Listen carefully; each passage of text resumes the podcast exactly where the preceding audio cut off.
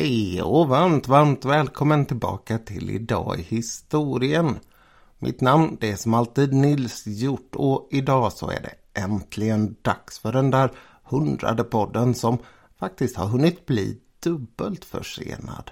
Först så blev den ju försenad eftersom det skulle ha varit den sista podden på förra säsongen, alltså innan sommaruppehållet. Och sen så blev den försenad när jag igår lovade mig själv att jag skulle ha den här klar så att ni kunde lyssna på den på väg till jobbet eller vad det är ni gör på måndag morgnar. Så blev inte fallet, men nu sitter jag här och alldeles strax så hoppas jag att det här är ute i era öron. Vad har jag då tänkt att jag skulle tala om den här speciella hundrade podden? Jo, fräckheten maximeras och jag kommer faktiskt ha och tala om mig själv. Nej, inte en sån här tråkig grej att jag är si och så och där och där och här och här. Nej, det här kommer handla om någonting som jag gjorde som var väldigt, väldigt annorlunda och som förändrade en hel del av mitt sätt att tänka på världen för en sisådär 15 år sedan. Riktigt var den här historien börjar är svårt att säga. Men om man gör det som tyskarna kallar för en kurze Anführung så skulle man kunna börja med att min pappa fick en syster. Och hon gifte sig och hon fick en son och min pappa fick en son och vi blev kusiner. Och min kusin långt, långt senare satt och läste en tidning och i den här tidningen där fanns det en artikel om hur det fanns ett gäng i Lettland som grävde efter döda från andra världskriget. Och han tyckte att det där verkade väldigt, väldigt intressant så han bestämde sig för att kontakta killen som hade skrivit den där artikeln. En annan man som bodde i England, precis som han själv gjorde vid den här tidpunkten. Matt, som den här engelsmannen hette, visade sig vara en hyvens prick. Och han ordnade igenom de här lätterna så att min kusin Hans fick följa med och gräva året efter. Kort därpå så inledde han en kraftig övertalningskampanj mot mig. Han förklarade vad det var som hade hänt där borta i Lettland och han hade sagt att du som har läst mycket historia borde ju verkligen vara intresserad av det här. Hasses egna bakgrund ligger inom arkeologin så våra vägar möttes ju onekligen här. Och det blev faktiskt så att han lyckades med sitt mål. Ungefär ett år senare så satt jag på flyget på väg över till Lettland ihop med en annan kompis som senare också skulle läsa arkeologi.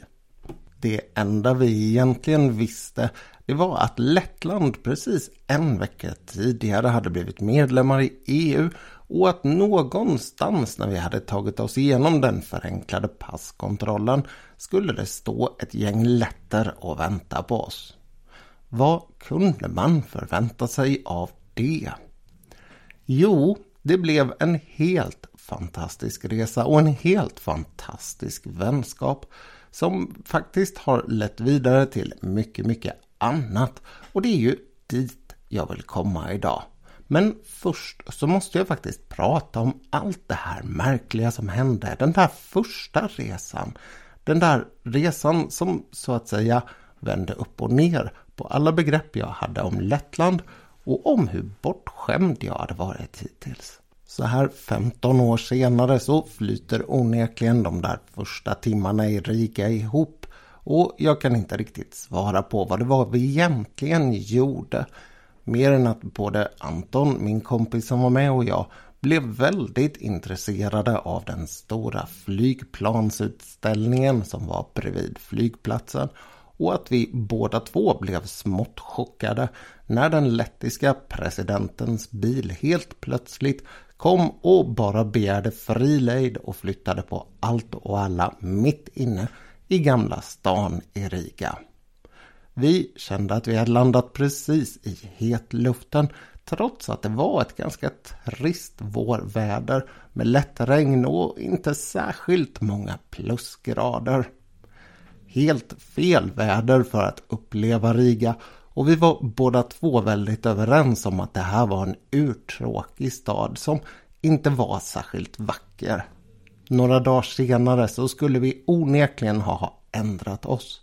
Och just nu, just här, 15 år och kanske en 7, 8, 9 besök senare så sitter jag och bara längtar efter att åka dit igen. Det är en fantastiskt vacker stad. För er som inte har varit där så åk. Det är mitt enda tips alltså.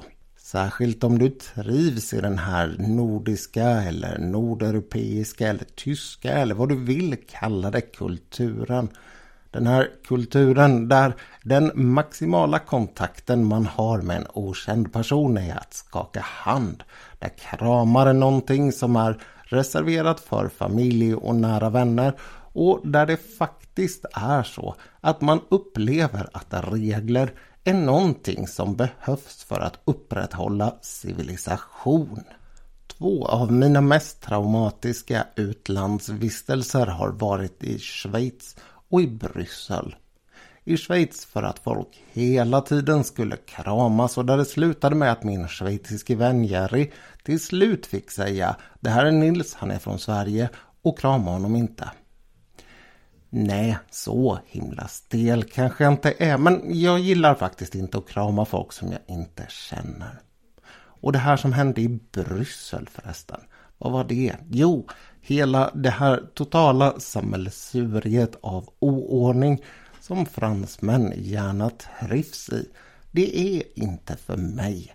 När vi åkte hem ifrån Bryssel med bil så när vi kom upp någonstans där i Holland och på väg in mot Tyskland igen, då kändes det som att komma hem. Då kunde man äta schnitzel och se bilar som var parkerade i räta rader. Jag älskar att ha oordning och stökigt i mitt eget liv och skrivbordet som jag sitter vid här nu skulle kunna få nästan vilken lokalvårdare som helst att få en hjärtinfarkt. Men i det offentliga så tycker jag faktiskt att det är ganska trevligt med en hel del ordning och reda. Och det är väl den lille tysken i mig. Det som gör det här intressant det är det faktum att när vi kom och gick där i Riga i Gamla stan och ner mot den stora domkyrkan så stod det en staty där av en man som jag tyckte att jag kände igen. En man som hette Herders. Nej, tänkte jag. Det måste ju vara Herder. Och jag frågade och det visade sig ju att det absolut var samma person med ett lätt latifierat namn. Han hade varit verksam i Riga och där trillade en stor del av poletten ner. Jag hade ju precis läst Östeuropa historia och där hade vi diskuterat olika typer av syn på nationalism och nationalitet. Och Herder, han var ju en av de första som började diskutera det här. Och hans svar på hur stort Tyskland är var så weit die Deutsche Zunge klingt. Så långt man hör det tyska språket. Riga har länge varit dominerat av tyskar. Och våran kultur har ju faktiskt varit ordentligt påverkad av tyskar också. Och säga vad man vill om områdena ner mot Frankrike och Tyskland. Men det tyska inflytandet är enormt där också. Se där, en historisk förklaring till varför jag trivs lika bra i Fenlo som i Riga. Och varför en hel del av er säkert sitter och rynkar på näsan nu och tänker hur kan man trivas i den där trista, stela kulturen? Och vad är det som är så farligt med att krama folk? Nej, det är faktiskt ingenting som är särskilt farligt med att krama människor. Men för min del så är det faktiskt någonting som väldigt tydligt visar att du är nära mig. Och om det då inte finns något känslomässigt band så blir det ganska svårt att göra det där på ett hjärtligt sätt. Och utan det hjärtliga så alltså, blir det ju ingen bra kram och vem vill egentligen ha en dålig kram bara för sakens skull?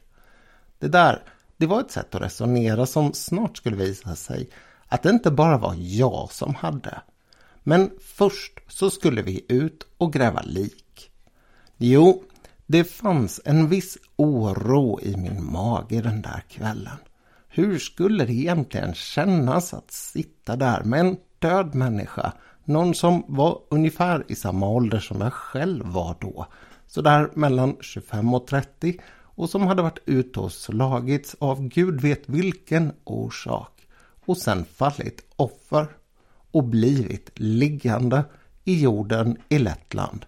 Det finns väldigt många som har drabbats av just det där ödet. Därför att både i första och i andra världskriget så var Lettland en väldigt stor del av slagfältet. Inklämt som man är mitt emellan Tyskland och Ryssland med dagens geografi. Och dessutom med ett väldigt viktigt läge ut mot Östersjön.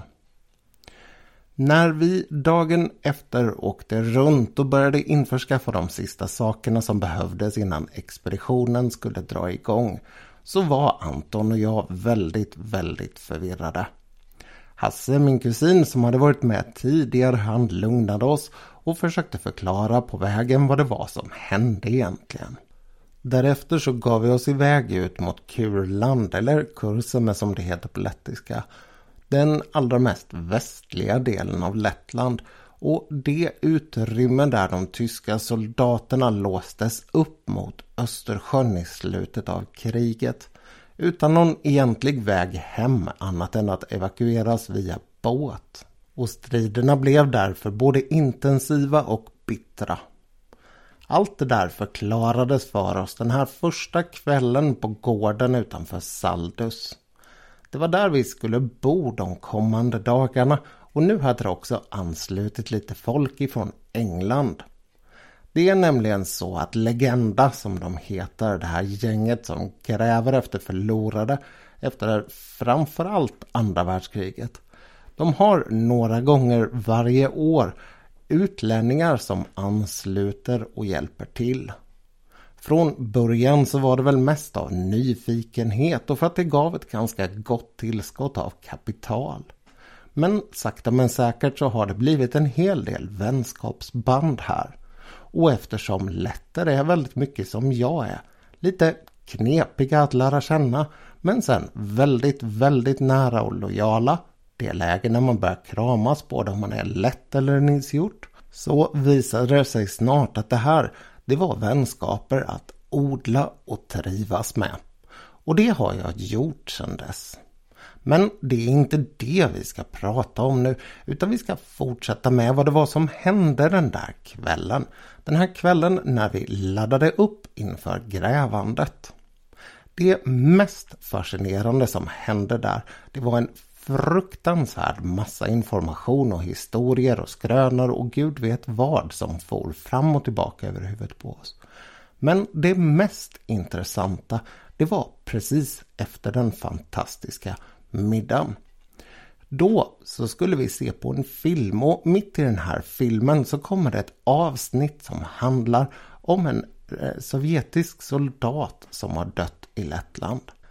Där hade han blivit liggande fram till tidigt 2000-tal och fram till dess att Legenda, precis som deras namn antyder, hade varit ute och talat med folk som bodde i området och frågat om de visste var det enligt legenden låg soldater kvar efter andra världskriget.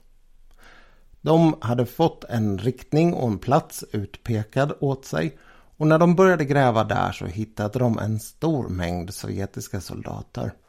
Det är ganska ovanligt att man lyckas identifiera de sovjetiska soldaterna men Oleinik som den här mannen hette gick det att identifiera.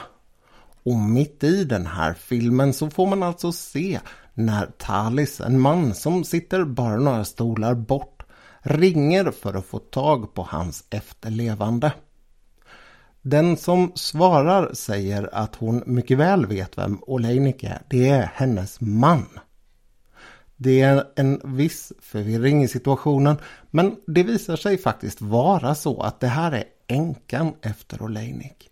Hon har väntat på honom och hon har väntat för att få reda vad det var som hände honom.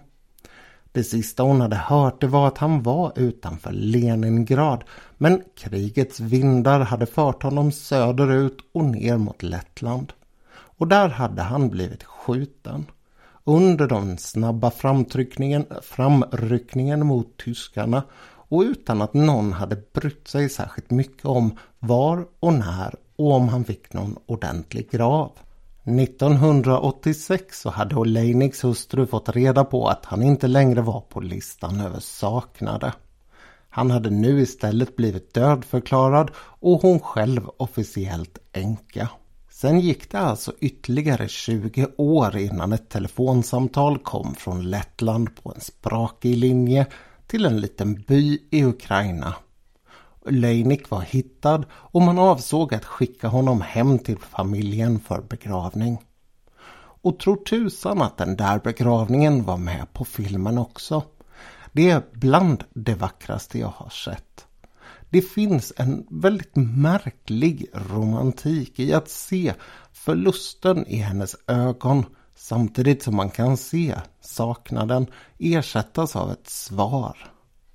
Och när vi själva skulle ut och gräva dagen efter så var det inte särskilt svårt att ta sig över den där tröskeln av lite oro och lite känsla av äckel kanske inför att sitta och pilla med döda. Tvärtom så kändes det som att man gjorde det godaste i världen. Att hjälpa folk att få en sista ordentlig vila och möjligen i något fall att kunna ge någon svar. Svar som hade dröjt nästan ett halvt sekel eller mer. Så värst äckligt var det faktiskt inte därför att jorden så som den är där i Kurland har sett till att det enda som är kvar, i de allra flesta fall åtminstone, är benrester och delar av skor och skärp och sådär som är av skinn. Allt annat är förmultnat och det gör det faktiskt väldigt mycket enklare än hur det ser ut på andra platser där man gräver på det här sättet. Det som däremot var förvånande det var att det fanns så mycket andra saker. Så fruktansvärt många vardagsföremål som låg utspridda överallt. De här lätterna som vi var där och grävde med visade sig vara mycket, mycket erfarna och bara genom att gå igenom terrängen så kunde de säga ganska tydligt vilka spår det var som avslöjade var man hade haft en liten lägerplats eller varifrån man hade skjutit och försökt gräva ner sig för att få bästa skydd eller överraskningsförmåga och så vidare och så vidare. Utifrån det här så började vi sen gräva och när man gjorde det så kunde de helt plötsligt säga att Förresten, du vet att du gräver i en avskrädesplats nu va? Nej, det hade jag ingen aning om. Jo, det är därför du hittar så många tuber, tomma tuber mot fotsvett. Särskilt heroisk kände man väl sig kanske inte då. Men det fanns en hel del andra saker att hitta som kanske inte krävde heroism så mycket som i alla fall lite mod. Att stå med en handgranat som har legat drygt 60 år i marken är lite obehagligt faktiskt. Och det skulle bli värre längre fram för jag skulle faktiskt återkomma på de här resorna under några år.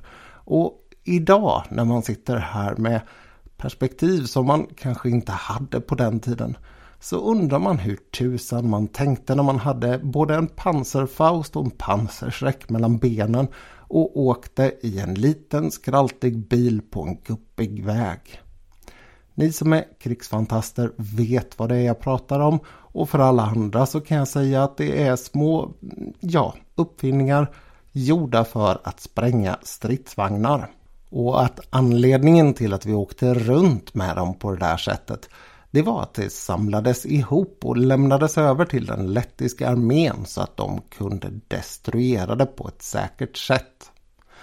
Fast när vi hörde smällen som blev när de destruerade lite, då blev vi faktiskt en aning rädda. Det var den här första resan en tämligen lyckad liten expedition. Vi fick ihop sju stycken sovjetiska soldater, inga tyska som kunde begravas ordentligt senare. Och som jag sa så samlar alltså Legenda hela året och har gjort så i drygt 25 år nu.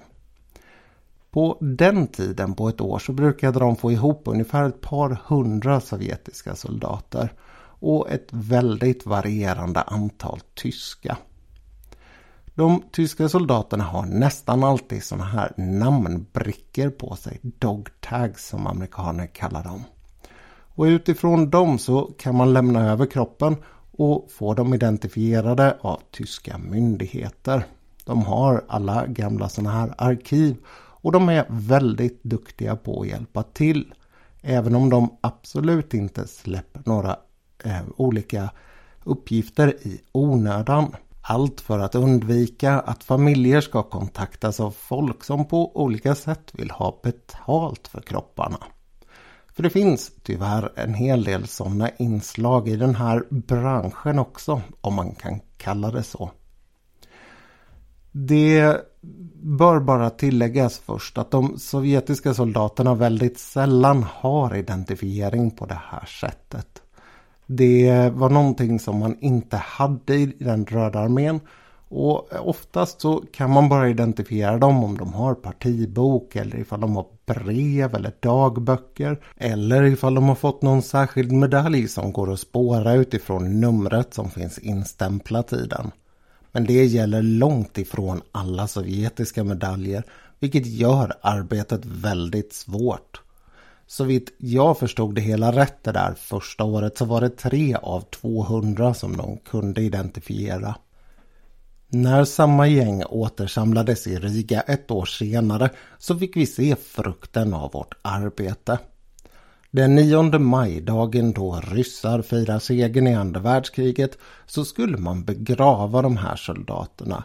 Och alldeles oavsett ifall de var identifierade eller ej så fanns det en enorm tacksamhet från de kvarlevande veteraner från andra världskriget som var där. Det var också någonstans här som mitt intresse för lettisk eller baltisk historia började växa.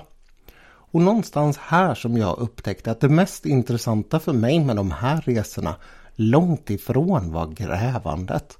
Utan allt det där andra som hände runt omkring. Det fanns en hel del märkligheter som utspelade sig för att vårt grannland har en historia som är så annorlunda mot vår. Bara en sån sak som att man årligen begraver sovjetiska soldater är ju en aning märkligt. Men att det hela börjar med att Natalia, min vän, får en riktig kalldusch när hon går fram för att hälsa på prästen och han vägrar ta henne i hand. Det gör inte en ortodox präst och hon blir riktigt förolämpad av det här. Hon har ju precis lämnat över 200 kroppar som han ska få begrava. Men det var bara att svälja den bittra lektionen i trist konservativ hållning. Som naiv svensk så blev man en aning ställd av det där beteendet. De flesta strider kring den svenska kyrkan är ju sedan länge över om man som jag är född på sent 70-tal. Det skulle dock bli ännu märkligare. Därför att en stund senare så kom en av de uniformsklädda äldre herrarna gående. En man som faktiskt var väldigt, väldigt stilig sin höga ålder till trots. Med en stram hållning och en prydlig uniform. Men nu hade han varit och hämtat en sovjetisk fana av gigantformat. Och han började med att föra den här över alla kisterna som stod uppställda. Anton och jag bara tittade på varandra. Får man verkligen göra så här? Om det här hade hänt i Sverige, vad hade hänt då? Men ingen tyckte att det här var särskilt märkligt. Och när man sen pratade med veteranerna efteråt så fick man ju onekligen en skolning i ett helt annat perspektiv. Till exempel den lilla rara gråhåriga kvinnan som stod framför oss med pigga ögon och förklarade Ja, jag stod här på våren 1945 efter en rejäl framryckning. Var glad att jag hade överlevt men undrade vart jag skulle ta vägen. Och nu står jag kvar här och nu säger de att jag ska flytta. Det hon syftade på var såklart russifieringen som har skett i Lettland efter andra världskriget. Med den sovjetiska makten så kom det en hård kamp för att man på olika sätt och vis skulle knäcka de styvnackade baltiska länderna och se till att de blev lite mer medgörliga. Ett sätt var att låta stora, stora mängder ryssar flytta till området. Och det där har sett lite olika ut i olika baltstater.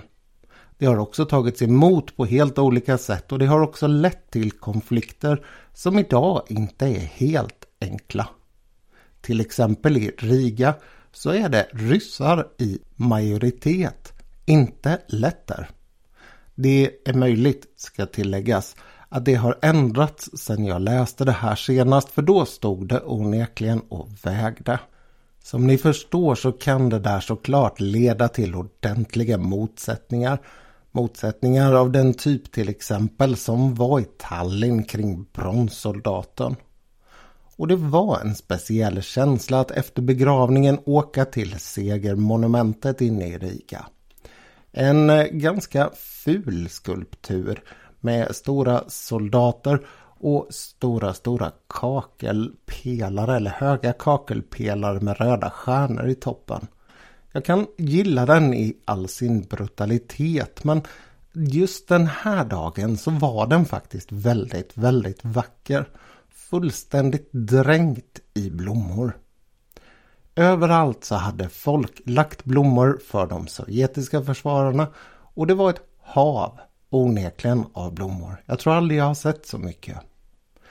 Men bara två kvarter därifrån så var det precis som vilken annan dag som helst. Där fortsatte letterna sin dag utan någon som helst tanke på vad ryssarna höll på med ett par kvarter bort. Återigen så ringde den där lilla naiva svenska klockan. Jag menar, här hemma så kan det ju vara folkfest och så är det alltid någon sur pelle som tycker att de blockerar trafiken eller väsnas för mycket eller måste man verkligen ha ett nöjesfält? Här i Riga så är det ju något helt annat. Det är en historia som har pågått i flera hundra år och som faktiskt pågår ännu idag. Relationen mellan den stora grannen i öst, vare sig den heter Ryssland eller Sovjet, och de små länderna som ligger där ute på kanten mot Östersjön. Länder som alltid har tillhört de mest framgångsrika delarna av Sovjet eller Ryssland ifall de har varit del av imperiet just då. Jag ska lämna hela den här komplicerade debatten utan kommentar. Men det är värt att komma ihåg att den inflyttningspolitik som har skett framförallt i Estland och Lettland av de tre baltstaterna är någonting som ännu idag skapar krångliga relationer mellan folk. Jag ska därifrån gå vidare till ett ganska intressant exempel på samma sak. Nämligen min vän Natalia. Hon är född i Ukraina. Men hon ser nog egentligen inte sig själv som särskilt ukrainsk. Hennes pappa var överste och det har varit en hel del intressanta diskussioner vi har haft om hennes identitet och om livet som gynnad person i Sovjetunionen. Till exempel en helt annan gång när jag och en kompis var över i Riga så gick vi runt och pratade lite om att det är så många som åker limousin där. I Sverige, sa vi, så är det ganska ovanligt att folk åker limousin därför att det ses inte som särskilt fint att ha någon som bara håller på att köra runt den hela dagen. Det är liksom ojämställt och det skulle kännas väldigt obekvämt om jag skulle åka till min kompis här en kväll och vi skulle göra någonting ihop. Skulle vi då bara ha någon som satt utanför och väntade? Nej, det skulle kännas jätteknepigt. Då skulle man ju säga, vill inte du hänga med in och vara med? Och då blir man ju inte chaufför längre och nej, det där är vi rätt glada att vi slipper, sa jag och Stefan, min svenske vän. Natalia hon bara tittade på oss och så sa hon När jag växte upp så var det väldigt bra att vi hade chaufför. Därför att då kunde pappa gå till jobbet, mamma sköta hemmet och vi barn, vi gick till skolan medan chauffören åkte iväg och ställde sig i kö för att få tag på maten.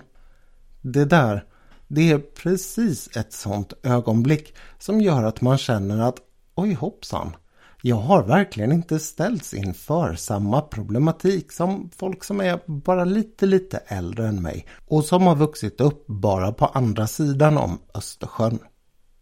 En annan gång så berättade Nat om när hon studerade.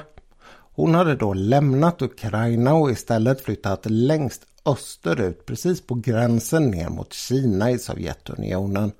Och en gång så hade de av någon anledning fått resa till just Riga. Och som jag nyss sa så var Riga en verkligt framstående del av Sovjetunionen. Det var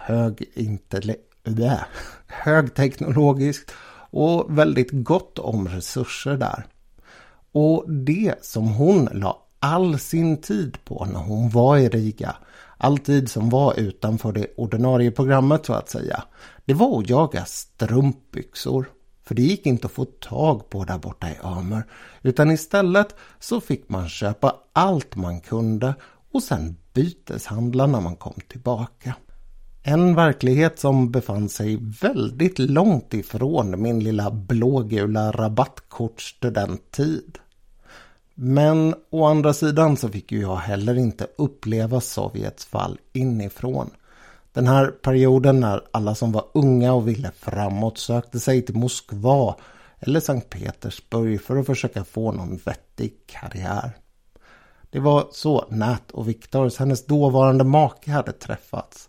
Han hade vuxit upp i Riga och de hade återvänt dit. Och när vi satt där och pratade någon kväll någon gång och åt schaschlik så kom vi in på det absurda att de tillresta britterna som var militärer i grund och botten hade varit utbildade i att döda honom och att han var utbildad för att döda dem ifall det skulle bli krig. Det blev en ganska rolig stämning faktiskt av det där. Så som det gör när det absurda och alkohol möts. Och vi var alla rörande överens om att vi hade en enorm lycka att leva i en tid där vi kunde gräva upp gamla, förlorade människor och begrava alla stridsyxor. Om det här hade varit ett sommarprat så hade nu varit läget som jag hade börjat spela Brothers in Arms med Dire Straits. Men tyvärr så kan jag inte erbjuda någon musik i podden och lika bra är väl kanske det för det förstör rätt mycket kan jag tycka när det kommer in musik sådär mitt i. Men det hade varit en passande låt nu. För den som är intresserad av vad det är Legenda egentligen håller på med så kan jag rekommendera er att gå in på deras Youtube-konto Military Archaeology Legenda och titta på vad det finns för filmer där. En bra start är en film som heter The War is not over until the last soldier is recovered. Ungefär kriget är inte slut förrän den sista soldaten är hemma. Tyvärr så finns inte den bästa filmen om deras arbete. En film som heter Keep Smiling på Youtube. Men där kan man se när de gräver fram ett flygplan och lägger en enorm mängd arbete på att få upp det här vraket ur marken. Och det är inte den enda stora grejen de har grävt fram, långt ifrån. Utan det har faktiskt varit hela stridsvagnar också för att kunna plocka ut besättningen eller bara för att få upp den och få den ur vägen. Som ni märker så finns det en helt otrolig mängd vansinniga spår kvar efter andra världskriget i Lettland. Men det var andra spår som sagt som började intressera mig.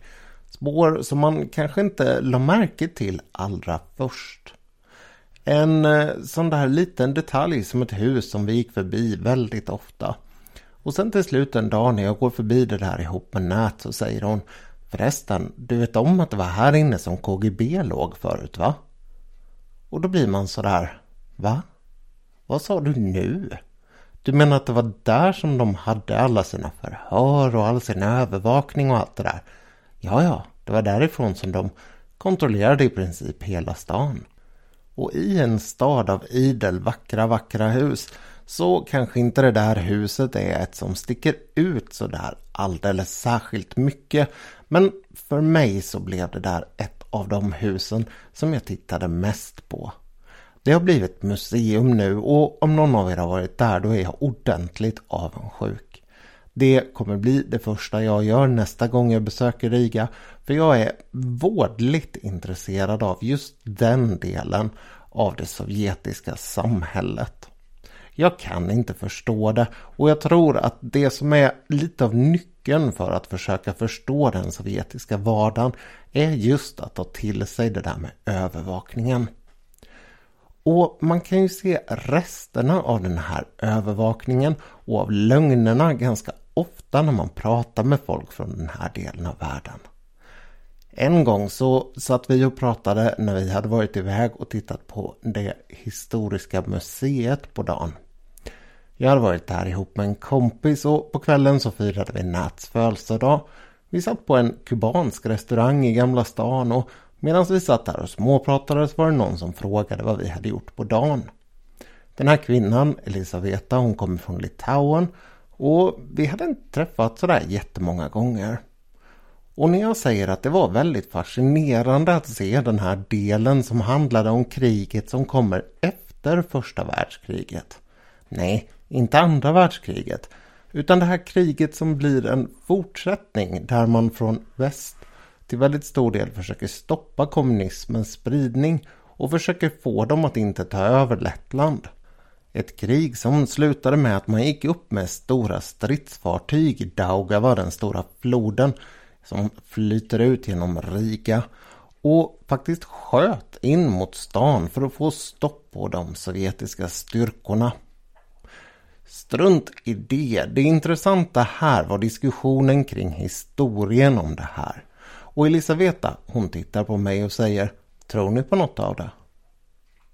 Det där var återigen ett sånt där ögonblick när man inte riktigt vet om någon skämtar eller menar allvar. Tänk er att ni skulle ha gäster på besök och att ni hade skickat dem till Historiska museet i Stockholm. Och er första fråga till dem hade varit Tror ni på det som står där?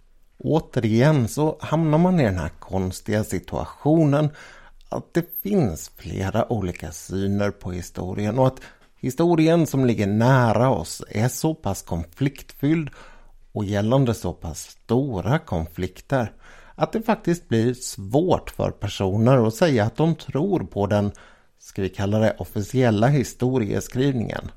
Någonting som vi aldrig ifrågasätter i Sverige.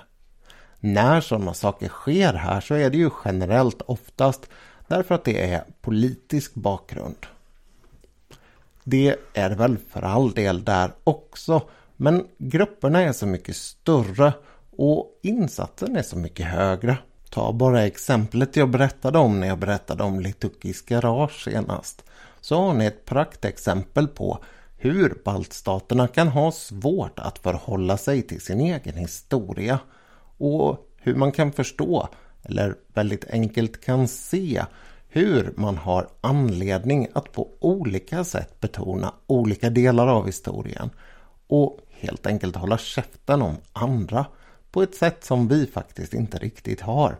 Tack och lov därför att vi har sluppit de här traumatiska krigen och hela den hemska ockupationstiden. Kanske är det som jag just nu tänkte berätta inte så konstigt mot den här bakgrunden. Vad jag tänker på det är två unga människor som jag en gång satt och pratade med i Lettland och som undrade varför jag egentligen var där.